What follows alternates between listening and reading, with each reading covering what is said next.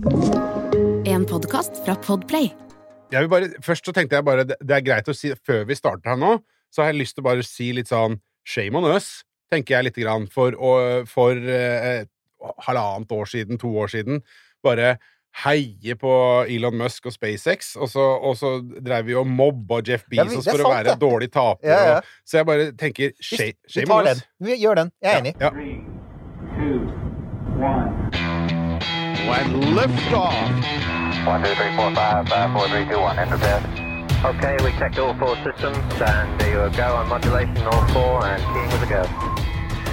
Quality base here. The Eagle has landed. Ja, der hørte du det. Eh, Dette er Romkapsel, kjære ørevenn, som sitter her og Vi biter i det sure gresset og ruller oss Skammer i oss litt, nesten. Skammer oss. Ja. Uh, syns jeg får være på sin plass. Vi eh, prøver jo å være folk som, eh, som tar selvkritikk. Eh, Og nå skal vi gjøre det, syns jeg, lite grann, i hvert fall. Fordi, som eh, den årvåkne romkapsellytter sikkert eh, husker, så har jo vi lenge tendert til å være litt sånn Elon Musk-fanboys.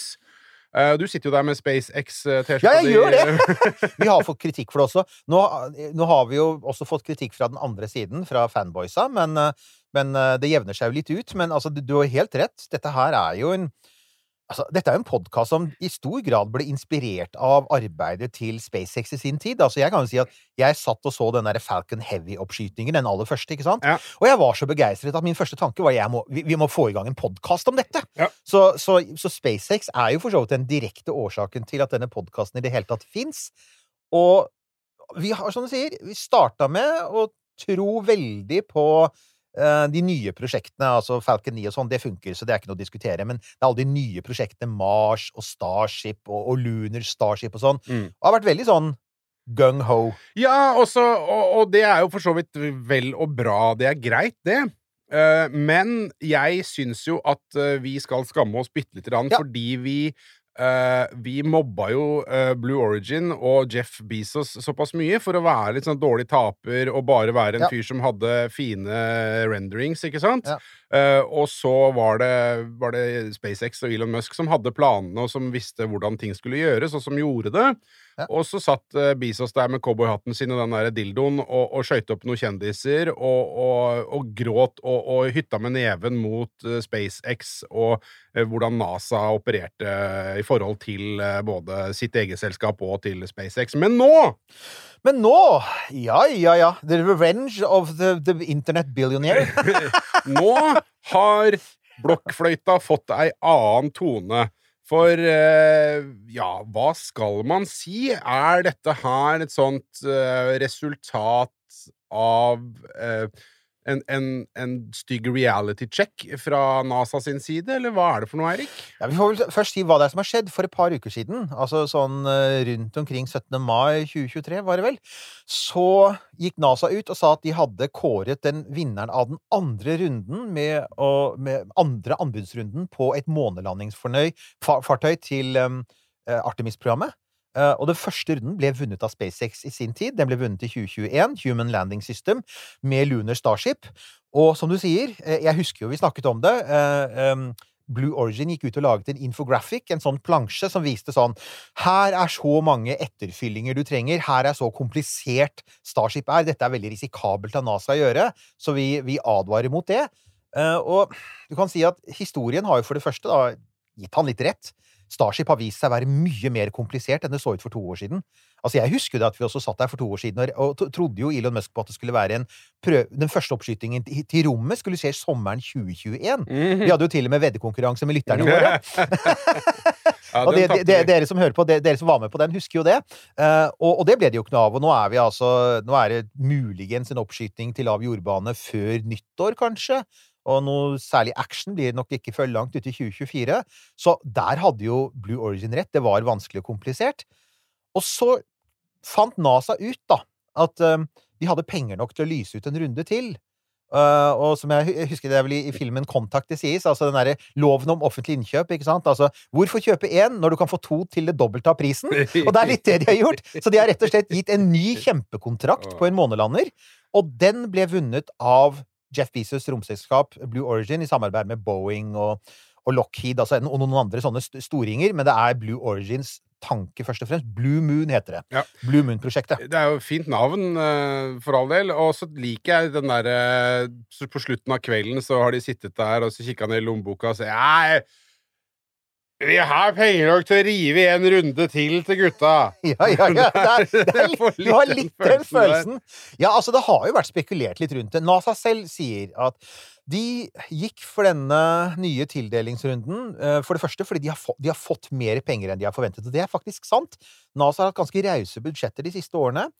Artemis har veldig sterk politisk støtte. Artemis er jo et sånt program som både Trump og Biden elsket, ikke sant? Altså, Trump syntes bare ikke det gikk fort nok. Ah, ja. Boots on the ground in 24 og alt dette her, ikke sant? Så han er Boots on the moon. On så, the moon, så, så, eh, så, de, NASA har følt at de på en måte har hatt medvind og politisk støtte til å gjøre det. Og så har de hatt denne herre Og så har de hatt en sånn litt mer sånn fine festtaleord om eh, sustainable development on the moon. Altså sånn derre å kunne ha flere systemer. eh, De får massevis av teknologi ganske billig. Det er sant, for begge milliardærene bruker jo mye av sine egne penger. Musk har brukt milliarder av egen lomme. Det kommer også Bezos til å gjøre. Det har han sagt. Så de føler at de får mye igjen for det. Men altså, det er veldig vanskelig å ikke se på dette også som et lite, ganske tydelig stikk til SpaceX. Fordi de ligger jo veldig langt etter skjemaet. Ja, og det er jo Jeg klarer ikke å se på dette prosjektet og denne tildelingen som Altså uten det som en veldig tydelig Altså ikke motivasjon, men som en veldig tydelig overskrift et eller annet sted i, i papirene der. Og da, da er det jo lov å mene at eh, Elon Musk og SpaceX har jo gjort det ganske lett for eh, Blue Origin nå. Ja, de har det. Og vi skal ikke glemme at for, for det, som, det har vært snakket en del om er sånn Jo, men NASA gjør jo ikke sånn. Jo da, NASA gjør det. Den forrige NASA-sjefen, altså Trumps eh, NASA-sjef, eh, Jim Bridenstine, han gikk jo ut og kritiserte SpaceX og, sa, og kritiserte Musk direkte. Og sa du må slutte å snakke så mye om Starship. Vi trenger Crew Dragon. Vi trenger den der romkapselen du fikk penger til å bygge. Eh, og og da, da, da faktisk la Elon seg flat, og, og ikke ganske riktig. Det, det ble fortgang i det, og Crew Dragon kom opp og er jo blitt en suksess. Men han måtte altså faktisk ha et spark bak. Den, eh, den nåværende sjefen, demokraten, demokratiske senatoren Bill Nelson, han er mye mildere, han er mye mer diplomat, det sier alle. Og det er jo også de som sier at han er litt for diplomatisk når det gjelder Musk. Mm. Han har ikke sagt noe direkte til Musk, han har gått til Gwyn Shotwell, sjefen i SpaceX, sies det. Mm. Så han har gått til henne og sagt du Are we okay? sier han. Det er litt det. Og hun har sagt ja, ja, ja, ja, vi er ok. Men dette her er en måte å signalisere veldig tydelig på, og gi det til hovedkonkurrenten. Ja. Uh, og gi det til et, et, et, et, eh, alternativt system som baserer seg på et litt, litt andre prinsipper. Jeg tror det. Så Ja, og det kan jo Altså, igjen, da, nå skal vi jo passe oss eh, noe veldig nå, da, for å spå noe uh, i, oh, ja. i Å spå hva som skjer i space nå, det er galemannsverk. Fordi, fordi eh, her er det jo to ganske forskjellige systemer. Og sånn bare Ja. Hvis man ser umiddelbart på det, så tenker jeg at Uh, Og igjen, da. Jeg må jo bøye meg i, i gresset Mhm. og i hatten og det sure eplet. Mm. Og, og bare sånn, sånn umiddelbart så tenker jeg at eh, Blue Origin-konseptet virker jo hakket mer gjennomførbart. Det gjør det. Du har helt rett. Det er et mer tradisjonelt konsept. Det er fremdeles en ganske stor rakett. Altså, de har, de har gjort noen ganske sånn De har gjort noen radikale redesigner fra første, fra første runde. Første runde var, var en Altså, eh, mens altså Starship er jo Lune Starship er 50 meter høyt. Det er kjempetungt. Det har så kraftige rakettmotorer at man antagelig må flytte på dem, noe som er et stort designmessig problem.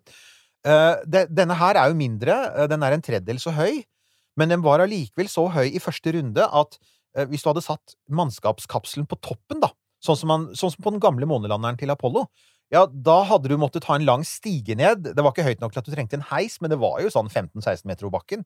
Og det, det, det, der har de helt klart tatt hintet fra NASA, som Vi har jo mast en del om dette, og det er helt tydelig at NASA sier jo ingenting, men de må ha vært opptatt av det, for av, en av de tingene som gjorde at dette konseptet vant, det var at de snudde hele greia opp ned, så nå er det blitt som en sånn derre Da er det blitt som en sånn blender som du snur opp ned, da. Altså nå har du satt brennstofftankene på toppen, så de er over. Så du har, øverst så har du brennstofftankene, og så har du mannskapsdelen, og så har du rakettmotoren og landingsbeina nederst. Ja. Og da er du så lavt over bakken at det er en kort vei ut. Du kan nærmest bare gå en liten Som på Apollo, en liten trapp ned. Ja.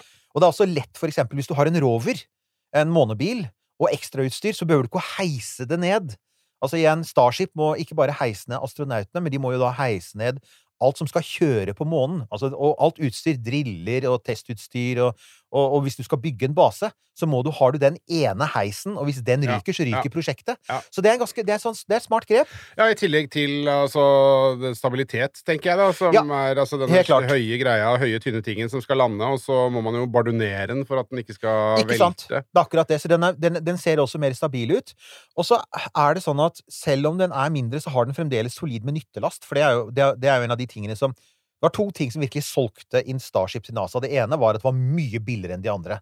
Uh, altså mange milliarder dollar billigere enn nest eh, billigste konsept. Og det andre var at Starship potensielt kan frakte 100 tonn til månens overflate. Uh, om det faktisk ender opp med å gjøre det, er en annen ting. Men Ja, det var for vi skal det. huske, Ikke sant? skal huske på det viktige ordet der. Ja. Potensielt. Potensielt. Her er det, her er det mindre. Her er det snakk om mellom 20 og 30 tonn, avhengig om du vil gjenbruke den, eller om du vil bare la den bli stående igjen på månen. Ja. Det er fremdeles innmari mye nyttelast. Og igjen eh, så virker det som, når du ser hvor detaljert de har gått inn på konseptet, så virker det som dette faktisk er noe de kan, kan levere. Eh, men men der, der er jo et viktig poeng, da. Også denne er gjenbrukbar. For det var også en annen ting som var bra med Starship, var Lunar Starship. Den skulle være gjenbrukbar. Du kunne bare Altså, i praksis var, var vel tanken at du mer eller mindre skulle ha, ha den hengende i bane mellom jorda og månen og fylle på brennstoff og bare frakte folk ned til månen når du trengte det. Ja. Som en romtaxi. Denne her kan fungere på samme måte. Så, så det som er konseptet, slik det er beskrevet nå, er uh, Den skal skytes opp um, uh, Dette månelandingsfartøyet skal skytes opp med den, e- den raketten som ennå ikke har kommet opp. Ja. Her, nå Ja kommer, da, nå nå kommer vi til den det, vanskelige delen. Det er nå det begynner å bli vanskelig. Ja, ikke sant? Så den skal skytes opp med New Glenn, som er denne svære raketten som ennå ikke har letta. Ja. Men altså det, det, Som sagt, det skjer ting i space hele tiden. I, for et par uker siden så kom det også, ble det også kjent at NASA har uh, gitt den første kontrakten på å sende noen satellitter til Mars til New Glenn. Ja. Og det er til neste år. Ja. Sånn at innen utgangen av 2024 så må faktisk New Glenn fly. Hvis ikke så er det jo en Innen utgangen av 2023. Ja, 2023! Ja. Så, den, så den, den skal jo Den må jo fly snart. Ja. Så, så det man, nå går man egentlig bare Den skulle jo egentlig ha hatt den første testflighten i 2020. Så Ja, den også, også Selvfølgelig. Er, Space is hard, folkens. Det, Space is hard, det og dessuten. Og vi veit at Blue Origin somler. De er kjent for det. Men det er det der med at av og til så kan det være bra å skynde seg langsomt, fordi en av de tingene de har gjort, er altså da igjen de, de, led- de tapte forrige runde, og så har de gått i seg selv, og så har de redesignet konseptet, og de har fått noe som ser, som ser mye bedre ut. Så tanken er da du skal skyte opp delene til det som skal til månen, med uh, New Glenn. Uh, og så, og dette skal da skje i 2029. Det er det de har fått kontrakt på. Artemis 5. Så Artemis 5 skal da se sånn ut at eh, New Glenn skal skyte opp månelandingsfartøyet, og dessuten en rom, sånn romtøgg, eller rom, altså faktisk en liten romferje, som skal skyve månelandingsfartøyet ut til månen. Det er, den bygges av Lockheed Martin. Eh, det er sånn, Den heter- kalles for SIS Lunar Transporter. Den skal da skyve ut til Gateway. Og så skal den dokke med romstasjonen Gateway. Og så skal du etterfylle brennstoff på Gateway, og så skal to av astronautene gå om bord i eh, Blue, eh, Blue Moon, og så skal de lande på månens sydpol. Ja. Og så skal de være der en uke og utforske og teste utstyr og lete etter is og disse tingene her. Og så skal de fly opp igjen, og så er jo da planen at Blue Moon skal kunne brukes om igjen og om igjen og om igjen, egentlig, er jo tanken da. Og da er det snakk om Jeg mener å huske at de har fått kontrakt på i hvert fall to ferdige, så Artemis 5, og jeg tror det er kanskje sånn muligens Artemis 7. For Artemis 3, den første månelandingen, og Artemis 4 skal skje med Eh, Starship. Starship, ja. Men er det da meninga at eh, denne Blue Moon skal bare være i verdensrommet? Den er bygd for øh, Og den er så Du kan la den bli stående på månen, og da blir den en del av en månebase. Ja. Men ellers så kan du så, kan du så skal du rett og slett la den fly opp og ned. Og her kommer man til en ting til som gjør at dette her er Det er litt snedig. Og det er altså igjen en sånn der grep de har gjort, som, som gir dem en fordel framfor um, SpaceX. Og det er at de skal bruke hydrogen og oksygen i, i rakettmotorene sine. Hydrogen som brennstoff. Ja.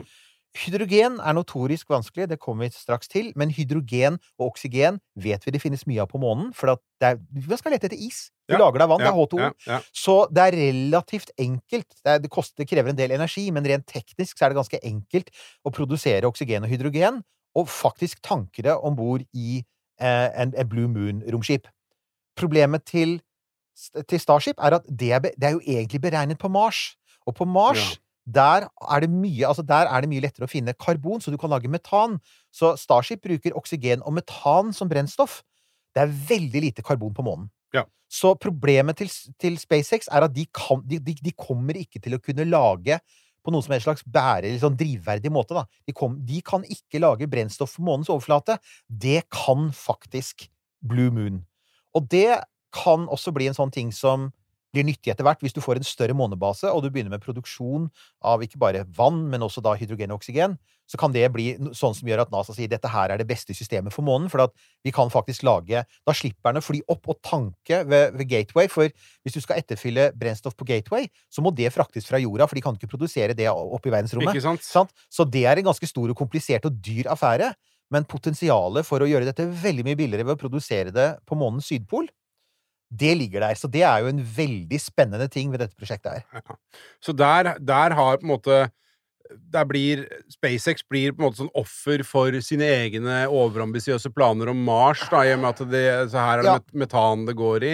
Og, og det, det, er ikke så, det er ikke bare quick fix for å bytte om det og, og gjøre det mer månetilpasset, da, når vi vet nå at eh, liksom, Mars ligger veldig mye lenger fram Ja. i tid. Det gjør det. Altså, jeg skjønner jo tanken, og det var, det var i sin tid en tanke som jeg også syns virket veldig fornuftig, denne med du masseproduserer. Du produserer massevis av billige romskip, og så tilpasser du dem til det stedet dere skal dra. Så ja, du får en egen Mars Starship, du får et eget Måne-Starship, du får Starship til lav jordbane, du kan få sånn der eh, Starlings eh, Starship som ikke gjør noe annet enn å skyte opp satellitter. Høres ut som en fin tanke. Problemet er at den tilpasningen kan bli veldig, veldig kostbar. Ja. Eh, og det kan vise seg Ja, og i hvert fall hvis du må bytte ut eh, rakettene, altså motorene. Da blir det jo Det, er, da, det er jo noe, har jo egentlig ikke noe for seg. Ikke sant? Så du tar et romskip som er konstruert for å lette å lande på en planet med 1G og full tett jordatmosfære, altså jorda, og så sier du at med noen små tweaks så får vi den til å lande i vakuum på en sjettedels gravitasjon, eller med 1% av jordas atmosfære, en tredjedels gravitasjon på Mars. Vidt forskjellige for forhold. Og jeg tror det vi nå Jeg tror det som kanskje blir det mest interessante for, for SpaceX sin del, det er å se ah, Altså se hva som skjer i det selskapet når de innser hvor mange forandringer du må gjøre Mm. på Starship for i det hele tatt å komme til månen. Mm. For jeg, jeg tror En av grunnene til at vi får vite så lite nå, er at jeg tror den diskusjonen pågår internt i selskapet. Fordi jeg kan ikke skjønne at uh, Jeg kan ikke skjønne for eksempel poenget med å ha et Starship som Altså, De har tatt vekk disse her styreklaffene, og de har tatt vekk varmeskjoldet, for den skal ikke lande på jorda igjen. Men fremdeles er liksom hovedformen er den samme. Og jeg lurer på, jeg, hvis du uansett skal i gang med en kjempesvær redesign og plassere motorene på andre steder, og denne heisen og alt dette her, Like gjerne bygge noe nytt. så, nemlig, hvorfor ikke da faktisk bygge noe nytt? Så der har igjen da Blue Origin gjort noe smart, for de sier ikke at dette romskipet skal lande på Mars. Nei, det akkurat det. De har det er bespoke, ikke sant, Ja, for månen. Ja. Og, og, og i tillegg så har du jo altså Det som på en måte virker fornuftig all den tid man på en måte har teknologien og eh, i hvert fall sånn teoretiske muligheten til å bruke in situ-ressurser, Mm. ikke sant? Eh, til å refuele så videre. Mm. Så er jo det bare It makes total sense å gjøre det på den måten som Jeff Bezos eh, de, de gjør det. gjør det nå. De gjør det, og, og så er det en siste sånn lille smart ting som de har gjort her, og det er alle rakettene på, på Blue Moon skal gå på hydrogen og oksygen. Ja. Det man ofte har, sånn som for eksempel altså det man, man har hatt, det hadde man på Apollo. Man hadde ulike typer brennstoffsystemer og rakettsystemer, Ja, ja. Avhengig av hvor kraftig raketten var. Så du hadde den store raketten som, som drev eh, Apollo til månen, og så har du en annen på selve kommandoseksjonen, og så har du en tredje på de små dysene. Her er tanken å gå for hydrogen og oksygen på absolutt alle sammen. Fordelen med det er selvfølgelig at da standardiserer du. Og du slipper å tenke på eksempel det som er vanlig å bruke disse små styrerakettene, er det som heter sånn hyper, hypergolisk Hypergolisk eh, ja? Selvantennende brennstoff. Ja, ja. Det, det produserer du ikke i rommet. Nei. Så det vil du da måtte, det måtte, vil du måtte frakte fra jorda. Så det at de sier at nei, vi skal ha absolutt tvers igjennom hydrolox i alle raketter, det er også et tydelig signal om at de planlegger å basere seg på lokalt produsert Mm. hydrogen. Mm. Som igjen er en, en smart tanke, men det folk sier nå, det er at dette er krevende teknisk. Å ja. Altså Ja, for det um, virker jo altså ut Altså ut ifra Ut ifra litt sånn uh, fix it in the field-tankegang, Ja. så vil jo jeg til, være tilbøyelig, og det er litt sånn stygt å si i disse tider, men jeg ville være mer tilbøyelig til å heie på på måte den russiske modellen, hvor du kan bare fikse alt med ei slegge og noen Ja. småstein, enn den amerikanske, som er sånn oi, oi, oi, nei, her må det høyteknologisk spesialverktøy inn for å få fiksa ting. Ja. Eh, og det, det finnes jo så mange eksempler på, på den tankegangen. Så Kalasjnikov, altså AK-47, Ja, ja. som du kan Du kan jo kaste det, og det kan ligge i bakken i et år, og så kan du ta det opp, og så skyter det like fint. Ja. Eh, skjønner at dette er litt sånn dårlig å si i disse tider. Eh, MIG. MIG, ikke sant? Mm, Uh, så, uh, du kan ikke komme unna at det er en eh, suksessfull uh, fighterjet. Som Den kan jo lande på et jorde, Mm. mens de amerikanske flya trenger liksom slette rullebaner. Den tankegangen, da, og da med den Jeff Bezos-tankegangen om at her skal vi standardisere, her skal vi gjøre det på en måte Altså i hvert fall ressursmessig Ja, ja. in situ. Så enkelt som mulig. Ja. Virker det, det, den, virker, den virker umiddelbart mer fornuftig, så dette her er inntil vi Altså, men det er selvfølgelig vanskelig å sammenligne, for vi veit jo ikke hva SpaceX holder på med. Nei. Vi har jo ikke noe konkret. Så det jeg lurer på, er jo når det har vært såpass Nå, nå er det vært en del diskusjon rundt dette konseptet. Og det jeg lurer på da, det er jo eh, når SpaceX svarer på dette. For at nå, Ja. nå har de Altså, det- forrige gang, da Bezos påpekte at de trengte masse etterfyllinger, og at dette var et risikabelt prosjekt, så uh, tvitret uh, Elon et eller annet om blue balls og selvfølgelig poop emojis og uh, prøvde vel å bodyshame Jeff Bezos for den er skallet eller whatever. Det er ikke sant, Elon Musk-tullegreiene.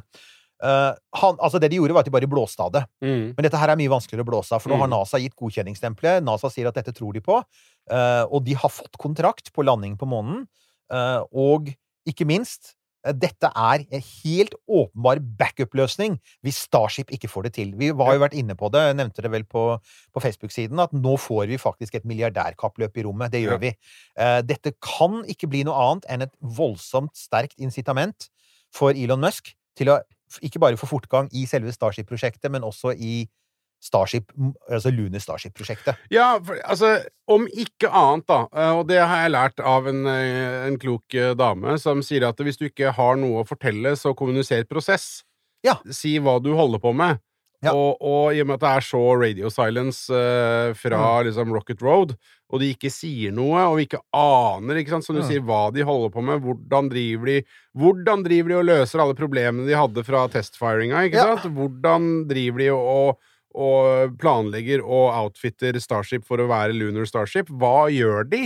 Eh, Og om ikke annet så er det noen kloke Bør det være noen kloke kommunikasjonshoder eh, som er engasjert av eh, Gwyn Shotwell eller Elon Musk, eh, som må komme opp med noe?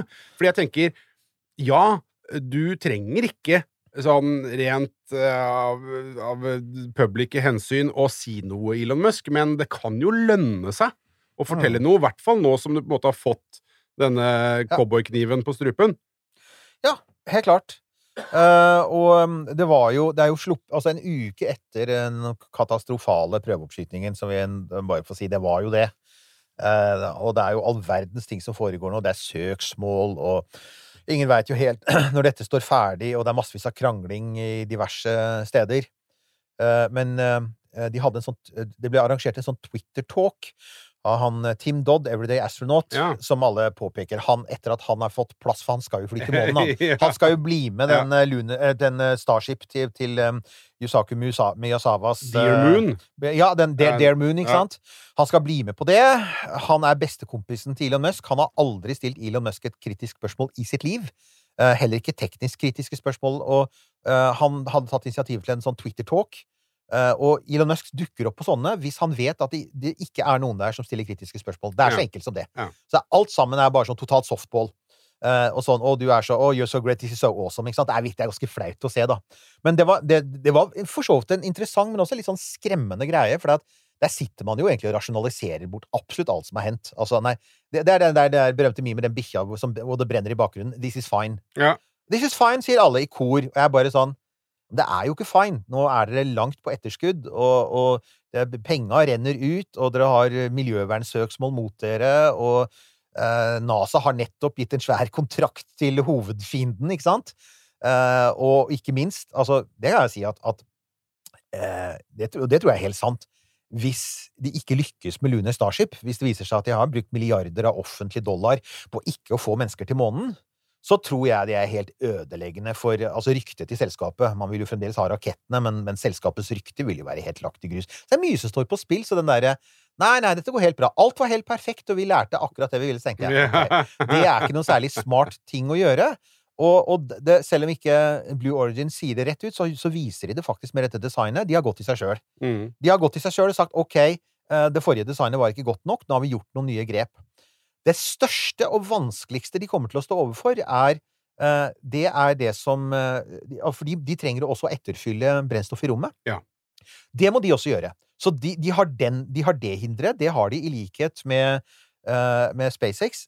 Men de skal jo etterfylle mye mindre brennstoff, for det er en mye mindre rakett.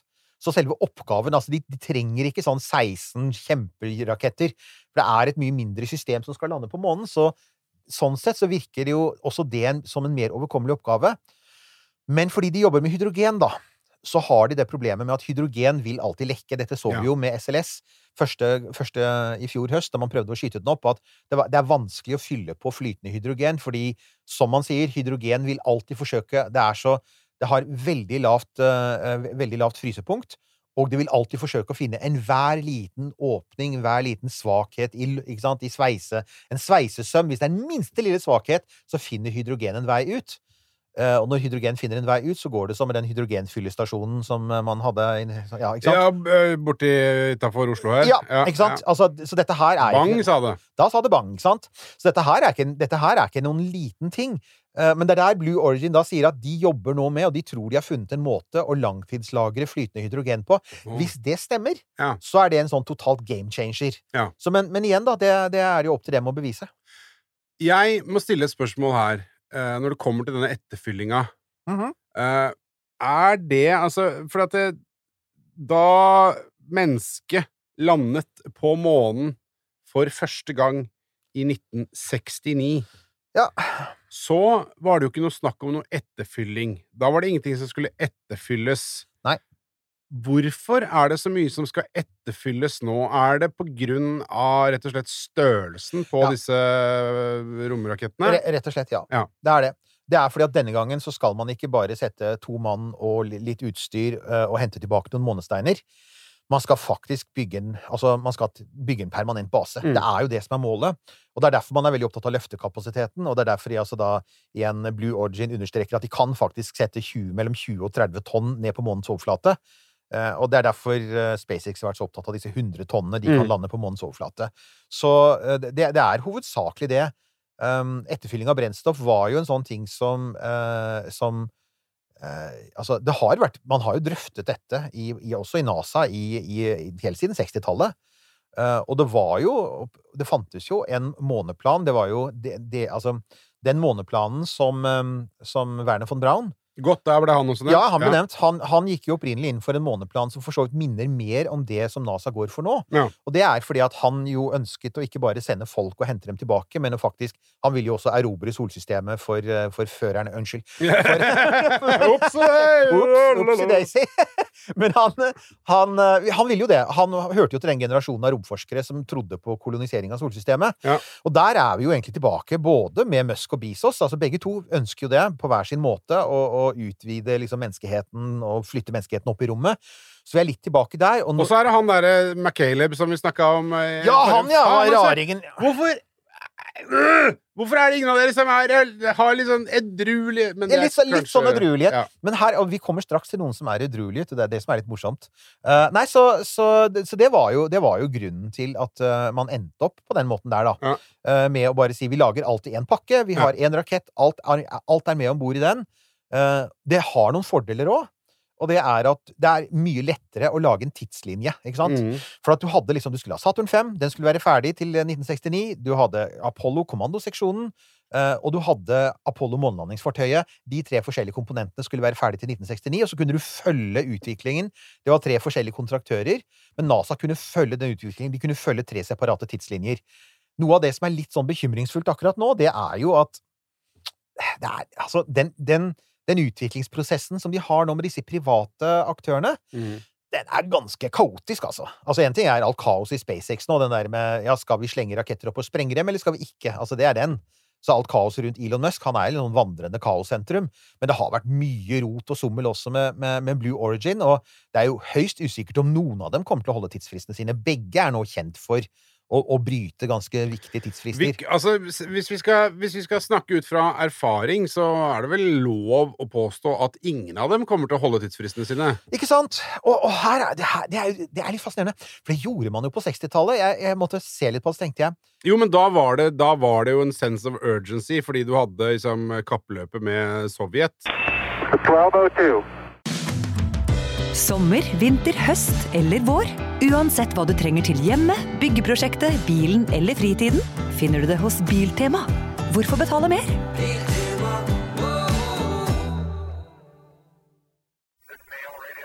Det er jo litt interessant, da, for jeg tenkte på det også, at på en måte så, så Altså, amerikanerne trodde de hadde et kappløp med Sovjet, og de hadde jo rett i det.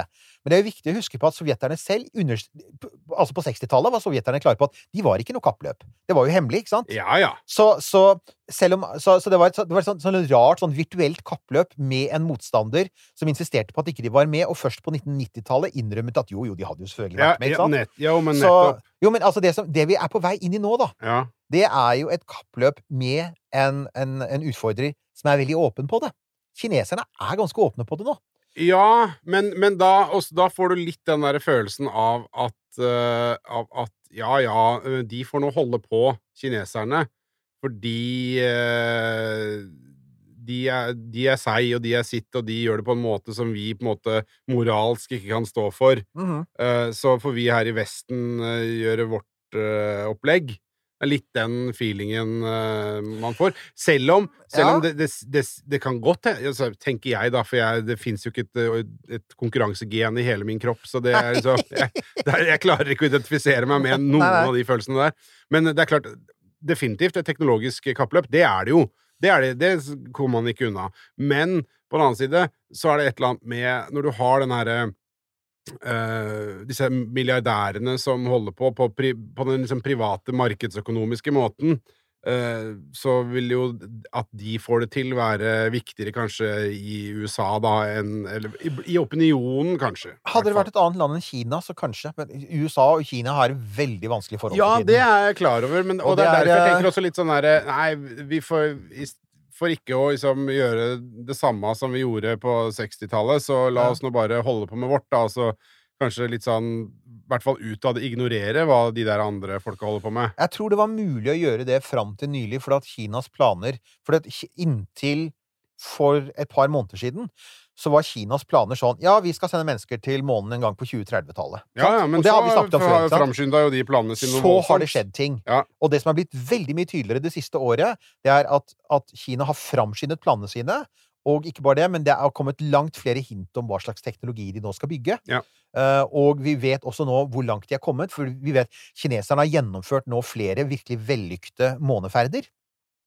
Eh, og viser at de helt klart mestrer teknologiene. De kan få svær, masse, mye masse til månen, de kan lande på månen, de kan kjøre rundt på månen, og de kan reise tilbake til jorda igjen med, med, med steinprøver helt automatisk. Så vi veit at de nå har teknologien som kreves for å lande på månen. Så det det nå handler om, det er jo egentlig mer sånn Har de politisk vilje til å putte pengene i det? Og signalene vi får fra kinesisk romfart nå, selv om det selvfølgelig ikke er så åp det er jo ikke åpent, men Men det er ikke SpaceX heller, så det er Nei, nei, ikke sant? Så, så, så, så, men folk som følger det, da, analytikere som følger det, sier at bare så seint som eh, den siste måneden, så har det vært konferanser, holdt konferanser i Kina, hvor du på powerpoint-slidesene kan se at og, og hvor også folk som snakker, står og snakker om For det første, de sier ikke på et 2030-tallet, nå sier de 2029 eller tidligere. Da er det interessant for NASA. Og jeg Mm. tror faktisk at en av grunnene til at NASA har kunnet si nja, vi ligger foran, ikke sant? Og, og, og det, det kunne de si inntil øh, Altså, og, og når det gjelder på en del viktige ting, da Altså, NASA ligger jo foran på, på noen veldig viktige ting. For det første, de har en kjemperakett. De har en Saturn 5-rakett. De har SLS. Den er dyr, den er forsinket, men den funker, det har vi sett. De har en månekapsel, de har Orion. Dyr og forsinket, men den funker. Det har ikke Kina. Men Kina er i ferd med å bygge en kapsel som kan dra til månen. Ja, og vi vet jo det at når kineserne bestemmer seg, så får de ting gjort, da. Det er ikke noe slinger i valsen. Nei, det er det, og derfor så blir det Så jeg tror jo at dette kan bli mye mer av et kappløp når tidslinjen forkortes, og vi Ja. ser at de kommersielle aktørene, SpaceX og Blue Origin, ikke får opp den takten som de hadde trengt. Og kanskje også NASA mot slutten av dette tiåret sitter og sier Shit, vi, vi kjøpte to romskip, vi. Ja. Og nå har vi trangere budsjetter, for det er det folk som har pekt på. Uh, Scott Manley, han eh, romyoutuberen, han, han sa det nettopp. Han sa Folk er ikke klar over det, men, men altså, USA er inne i en økonomisk krise. Ja, ja, som, dette her gjeldstaket som Gjeldstaket, de, Ja, ikke sant? eh, høy, ikke sant? Og, og høy inflasjon. Mm. Ikke sant? Og han sier altså USA er på vei mot tøffere økonomiske tider, og det kommer NASA til å merke. Så han, han sa akkurat altså, han, han kommenterte det i forbindelse med at de nettopp hadde kjøpt et romskip til. Og så sier han jeg skjønner hvorfor de gjør det, mm. men bare vær klar over at om to, tre, fire år så kan det å betale for to romskip bli en, en nærmest utålelig byrde for NASA. Og det kan komme til å forsinke prosjektene enda mer, for Mm. begge disse prosjektene kommer til å mer- trenge mer offentlig innsprøyte Mm, mm, mm. Så, så NASA har tatt en stor gamble. Uh, Kina går for den konvensjonelle modellen. Kina går for det NASA gjorde på 60-tallet. Ja, ja, ikke sant. Det er det jeg sitter og tenker, at det blir litt sånn eh, En gang i tida så hadde jeg en sånn eh, dismotivational poster på, på veggen. Ja. eh, Hvor det var bilde av pyramidene, og så sto det noe sånt som at eh, det er utrolig hva du kan eh, få til når du har tilgang til uendelige ressurser og Uh, all den uh, disposable laboren Ja. du, du trenger. ja, ja, sant? Så har du penger og slavearbeid, så får du til det meste. Uh, og, og det er liksom den Det er liksom Kina-linja. hvor, hvor jeg ser for meg da altså Alt i Kina er vel en nasjonal dugnad, Ja. vil jeg anta. Men altså, det er litt den holdninga, da. Mens i USA så må alt Altså, det styres av en eller annen bunnlinje et eller annet sted, for det er, en- det er en investering uansett hvordan du ser på det. Så sitter det en, en eh, milliardær eh, i, på toppen og på et eller annet tidspunkt har et ønske om å kapitalisere på det som blir utvikla. Helt sant. Og, og vi veit jo at den måten å gjøre det på, det har både Musk og Bezos bevist. Eh, Det funker jo i veldig mange deler av samfunnslivet. Altså Amazon og Tesla er eksempler på at jo, jo, den måten å tenke på funker. Ja, det vi ikke veit, og det er jo det spennende nå, vi veit jo egentlig ikke om dette funker for romfart. Altså, Romfart har alltid vært et spesialcase, det vet vi. Romfart har alltid vært veldig avhengig av offentlige, eh, offentlige midler. Har alltid hatt en svær militær komponent, har alltid hatt en sånn svær forskningskomponent. Og det gjør at når du ser på liksom, Ja, for det handler om statlig vilje, ikke sant? ja, det handler veldig mye mer om statlig vilje, og det, det å, å gå inn i altså, Og det, det gjør jo også at, at ja da, eh, SpaceX er for så vidt en offentlig Eller er en privat aktør, men SpaceX hadde ikke vært der det er i dag uten massive innsprøytninger av midler fra NASA. Og ikke minst fete kontrakter. Det de skal leve på det kommende tiåret, er jo militære kontrakter. ikke sant? Så alle i bransjen er veldig veldig avhengig av at du har en eller annen sånn velstående pappastat som er villig til å betale for noen av disse dyreste prosjektene.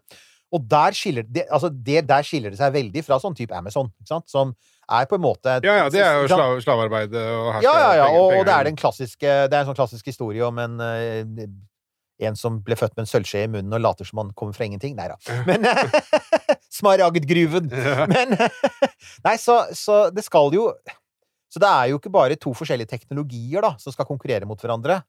Men det er jo også liksom to måter å utvikle teknologi på, og der går altså kineserne for sånn try eh, Sånn velprøvd metode. Ja, Vi, vi har tried and true.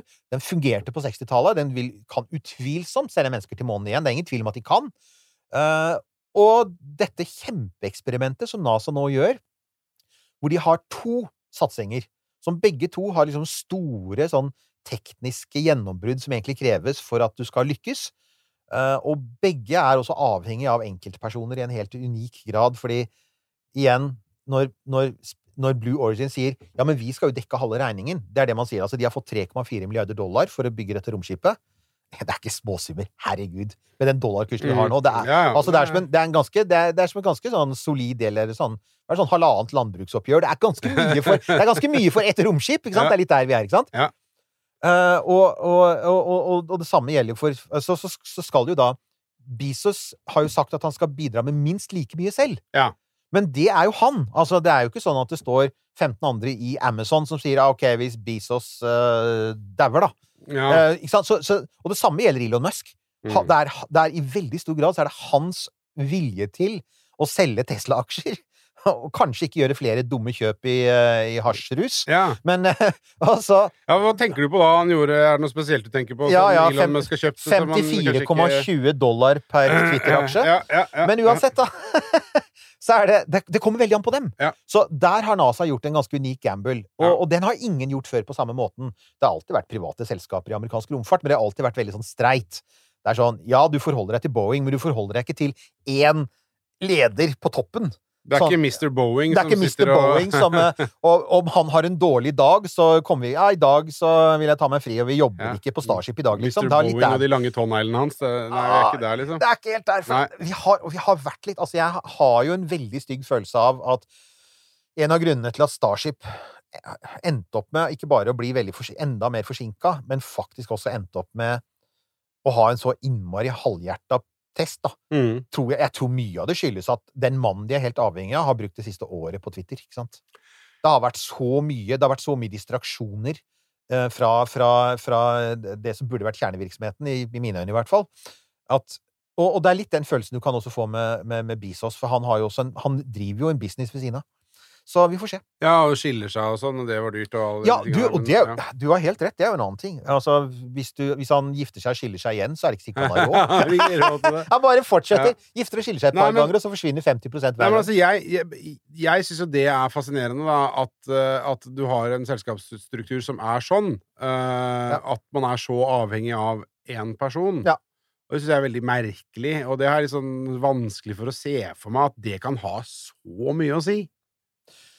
Ja, du sier noe. Vi har jo ennå ikke sett Men effekt. igjen, vi vet jo ikke. Nei, altså, det problemet er jo at vi har på en måte ikke Altså, eller problemet det er, Altså, jeg syns jo dette er både spennende og litt sånn eh, litt skummelt. Mm. Det er jo spennende, for at dette er en helt ny måte å drive romfart på. Det er det. For romfart har alltid vært den andre modellen, den som kine kineserne følger nå, og som har gitt veldig gode resultater, selv om det er kostbart. Og dette her er Altså, NASA sier Altså, NASA har jo sagt at med dette måneprosjektet så har de ønsket å være dristige, få fram ny teknologi, få fram nye måter å tenke på. Og det, det har de rett i. Altså, det gjør de. Det er ikke noe tvil om. Og sånn sett så er jo dette noe av det modigste og dristigste NASA har gjort. Men det er noe som heter dum dristig, da. Og det er det jeg tenker, at det er noe med sånn at ikke det fins en plan B hvor du har sånn derre Jo, jo, men på bakrommet så har vi en sånn gammel aerospace-aktør som har tenkt å bygge på gamle måter. Men det, det fins det jo ikke penger til, og de fins jo ikke lenger. Nei, så det blir, det blir utrolig spennende å se framover. Uh, og vi kommer til Så det, det, det store spørsmålet her blir jo hvor offentlig det blir, da. Ja, men hvis man skal ta med seg noe ut fra dette her, da eh, En sånn læresetning, læreavsnitt her, så tenker jeg, da bare sånn, hvis du, hvis du ser på Hvis du skal se det ut ifra et sånn markedsøkonomisk perspektiv Oi, nå hørtes jeg ut som en sånn fyr som har gått på BI og Her er det de to NHH-kandidater som sitter sånne ting. Nei, ikke. Eh, Men ut ifra et, et sånt perspektiv, da, blårusversjonen, mm -hmm. så eh, sier, jo, sier man jo alltid at ja, men det er bra, konkurranse er bra. Og så kan det jo tenkes, da, hvis man prøver å se litt positivt på det, Mhm. at eh, det som nå har skjedd, at NASA har sagt til Jeff Bezos vær så god, her har du 30 milliarder kroner, lag romskipet ditt, vi vil ha det. Mhm. Da våkner jo selvfølgelig noen folk borti Rocket Road som sier at oi, shit, som vi sa innledningsvis, her nå, dette tyder på at NASA ikke har helt trua på oss. Nå må vi få eh, bakenden i gir her. Dette er en familiepodkast, alle kan høre på. Eh, så Ja. at, det, at det vil framskynde eh, prosessen det. nå, det, det, det må jo bare skje. Ja, jeg forventer det. Altså, hvert år så pleier jo Elon Musk å holde en oppdatering yeah. på Starship. Yeah. Og de siste Jeg tror, vi kan være, jeg tror de fleste av oss kan være enige om at de to siste siste to-tre har vært ganske kjedelige. Det har vært veldig mye sånn derre Vi vil gjøre mennesket til en multiplanetarisk art. Vi vil til Mars. Det har vel ikke kommet fram noe nytt konkret der? Nei, jeg så det var det har vært flere sånne gjennomganger av 2022-oppdateringen med 2021-oppdateringen, og det er virkelig marginalt. Altså, Ja. Det er noen, et komma her og der. Mm. Eh, jeg mistenker jo at den neste oppdateringen, neste gang han stiller seg på en scene og snakker om Starship, så kommer han til å si noe om Lunar Starship, for nå, nå er det sånn at du har eh, SpaceX med en eksploderende rakett som vi ellers bare har en sånn uskarp eh, datagrafikk av, Og så har du Blue Origin med en veldig sånn tydelig plan, og med, med, med spekker og kapasiteter. Og det, det Jeg glemte kanskje å si det, men motorene har de jo, fordi de, de lager jo hydrogenmotorer. Eh, denne dildoen går jo faktisk på hydrogenmotorer. Eh, så, og, og det er gjenbrukbare motorer. De har allerede en gjenbrukbar hy Hydrolox-motor. Så det er faktisk en ting som gjør at de har et fortrinn fremfor SpaceX, fordi at den gjenbrukbare motoren de hadde tenkt å lande med på månen, Raptor, mm. den er for det første ikke stabil. Nei, Det jo. åpenbart. Den har en egen den har, Ja, det, er altså, det er jo eh, den, Det er jo som Elon Musk sa, det, den, den motoren vil virkelig smelte seg selv. Ja. Eh, og det andre er jo at den er jo ikke, heller ikke i nærheten av å være, være gjenbrukbar. Nei. Så, så, og, og derfor så har det jo også vært spekulert i om de kanskje må lage en helt ny motor for månen. Who knows? Men, men det er jo sånne ting som jeg tror han er nødt til altså, på et eller annet tidspunkt i løpet av dette året her, så må noen kom, gå ut på en scene, og det blir antagelig han, eller så blir det Gwyn Shotwell som går ut og sier Vi jobber med saken. Her er det vi har gjort. Så langt er vi kommet. Ja. Også for eh, Ikke bare for å berolige NASA, men også for å berolige investorer. Ja. Og ikke minst Kongressen, for det sitter folk i Kongressen og har gitt masse penger til dette her. Og den halvparten av Kongressen som er demokratisk, og selvfølgelig Det hvite hus, er i utgangspunktet ikke spesielt glad i Musk uansett, for han er så veldig tydelig ekstrem republikaner. Mhm. Så han har allerede massevis av politiske fiender, så jeg, jeg tror han kommer til å trenge det. Jeg håper det. Så det, det beste vi kan håpe på, da, best case her, er jo at dette fører til at man løser noen veldig viktige problemer i romfarten. Nummer én, etterfylling av brennstoff i rommet. Det må vi ha. Vi kommer ikke til å kunne utforske solsystemet uten å kunne etterfylle mye brennstoff i rommet. Og det andre er, ja, langtidslagring av hydrogen. Det er, det er ikke noen liten ting. Hydrogen finnes det masse av der ute, og hydrogen er for eksempel hvis man skal ha eh, atomdrevne raketter, som er en ting som vi må lage en sending om på et eller annet tidspunkt. Atomdrevne rakettmotorer, eh, de vil veldig gjerne ha hydrogen. Det er det beste brennstoffet for en atomdrevet rakettmotor. Og da må man igjen ha muligheter for å langtidslagre, for sånn som det er nå, så er det jo Du ser det faktisk når når eh, SLS skulle fylles på, da, for den bruker hydrogen og oksygen, så ser du at de fyller på og fyller på hele tiden, og det er fordi at hydrogenet koker av. Mm, ja. Altså, det blir det, det, er, det, er, så veldig lav temperatur altså, det, er jo flytende ved så lav temperatur at heller ikke verdensrommet er kaldt nok. Så, og det er, det er jo noe av problemet, da. Altså, altså at hvis du er oppe i jordbane eller rundt månen, så vil du faktisk ha problemer med varme fra sola, og, og også reflektert varme fra månen, så du må få til en måte å, å ha En svær hydrogentermos. En mye bedre hydrogentermos enn det du har i dag, er jo det de har lovet. Så bare der, da, hvis man kunne få til det, så tror jeg man kommer et godt stykke. Den tingen jeg ikke tror noe særlig på, det er at dette blir så mye billigere. Eh, Jeg satt og så på Igjen, jeg gjorde litt research på gode, gamle Lunar Module, ikke sant? Som Grumman lagde, og som jo faktisk var den mest pålitelige delen av alt som skjedde i Apollo-prosjektet. Altså, da Apollo 13 eksploderte, så var det jo Lunar Module redda dem, ikke sant? Det ble, ble, ble livbåten. Motorene fungerte helt perfekt skummelt å tenke på er jo at disse motorene ble jo aldri testavfyrt før de ble sendt til månen, for at du kan bare fyre dem av én gang. Sånn at når Neil og Buzz trykket på knappen, så måtte de bare håpe på at en motor som aldri hadde vært avfyrt, ikke sant? Ja. Uh, og så, så prøvde vi å finne ut altså, hva, hva kosta dette? Det kostet cirka, Man har kostnadsberegna det til ca. sånn to millioner 1968 dollar. Eh, milliarder, unnskyld. Eh, og så eh, regner man det om til 2023 dollar, og da kommer man til at hele Apollo-prosjektet kostet vel rundt 120 milliarder våre dollar. Ja. Mens månelandingsfartøyet var ca. 20 milliarder av det. Så det høres jo veldig dyrt ut, men da får vi ikke glemme at allerede så har altså SpaceX har fått 3 milliarder dollar av NASA pluss, pluss, pluss for å bygge Starship til månen, pluss at Elon Musk pumper inn et par milliarder nå i året. Så man regner jo med at vi allerede er i nær, nær kanskje begynner å nærme oss 10 milliarder allerede. Så ja, på, jeg- på, på Starship, ja. ja, på Ja. Starship. Og, og uh, Jeff Bezos sier han har fått 3,4 milliarder av NASA for å bygge Blue Moon, og sier selv at han skal putte like mye i. Og da snakker vi om sju, åtte, og så veit vi at alt blir mye dyrere. Det gjør Ja. alltid. Det er som veibygging. Det blir alltid dobbelt så dyrt. Da er vi på 10, 11, 12, Så, 13. ja, nemlig. Sånn at poenget er at den derre Vi skal gjøre det radikalt mye billigere ved å gjøre det privat. Mm. Den kjøper jeg ikke helt. Uh, du måtte ha masse tekniske gjennombrudd for å bygge månelandingsfartøyet på 60-tallet. Det kosta, og det kosta 20 milliarder dollar. Du skal gjøre masse tekniske gjennombrudd for å ha etterfylling av brennstoff, og, og også bruke brennstoff på månen, alle disse tingene her. Det kost, det, det, du får det ikke billig. Så jeg tror jo at uh, det er en av de tingene som jeg tror vi kommer til å se på slutten av tiåret, når man ser seg tilbake og sier Gjør opp regnestykket og sier Altså, det offentlige sparte for så vidt en del penger Det gjorde de jo, for at uh, milliardærene betalte en del av egen lomme, men jeg tror jo NASA må spytte mye mer, altså. Jeg, jeg tror jo ikke at jeg tror, jeg tror helt klart at på et eller annet tidspunkt så kommer SpaceX tilbake til NASA, og så sier de vi, vi, vi, ja, vi trenger mer. vi, vi, we Har du noen småpenger? Har du noen småpenger? Jeg tror det. Oi, oi, oi. Ja, men, eh, Men det er spennende, er det. Ja, det var det og, akkurat og jeg igjen får jeg bare si, altså som Vi hadde jo en runde på dette på Facebook om eh, Altså, Kina er nå aktiv inne i dette her, og liksom hvem vil man skal vinne? Altså, hvis det blir et nytt kappløp Jeg vil fremdeles at NASA og ESA skal vinne. Hallo. Ja, ja, definitivt. Selvfølgelig. Altså, så får det heller bli med en eller annen gæren milliardærs hjelp, men, eh, men heller det fordi at uh, regimet i Beijing de ikke, Jeg ønsker ikke at de skal få seg en sånn billig eh, eh, Sånn kjip Sånn nasjonalistisk seier. Ja, propagandaseier. De, Ja. Vi ønsker jo ikke at de skal få det.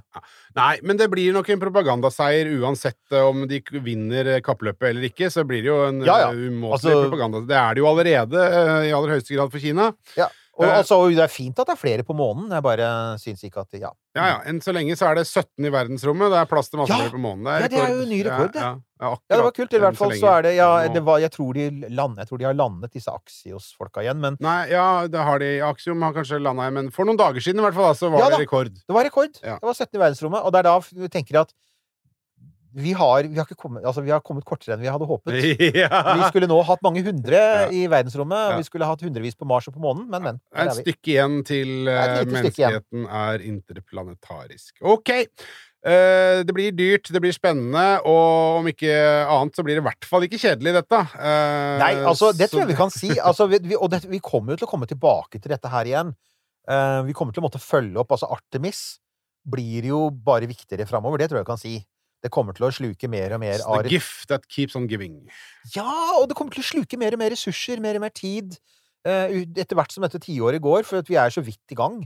Eh, og så, ja, dere får bare henge med, folkens, for det blir mer av det om dette. Vi er som vanlig på Facebook, har vi referert til flere ganger her. Innimellom så kommer det også ut noe greier på Instagram. Ja. Uh, Vips, uh, romkapsel, komma, Newt og Halvorsen. Og romkapsel.no hvis du er hypp på å kjøpe ei trøye eller en kopp eller noe slikt noe. Og helt avslutningsvis så har Eirik Newt et eh, punkt til sakslisten. Et lite punkt under eventuelt. Uh, vi har vært, det, det, Mai måned er den store inneklemt-måneden, så vi har faktisk slitt med å få tak i gjester. Vi har prøvd, uh, folk, og folk vil gjerne komme, men de har ikke Det er ikke så lett, fordi at det har vært Jeg hørte så en sånn eh, YouTube, eh, norsk YouTuber som prater på engelsk, som forsøkte å forklare begrepet inneklemt. Inneklemt. Squeezed in day. Ja. Det har vært mange av dem! We're Så- taking free.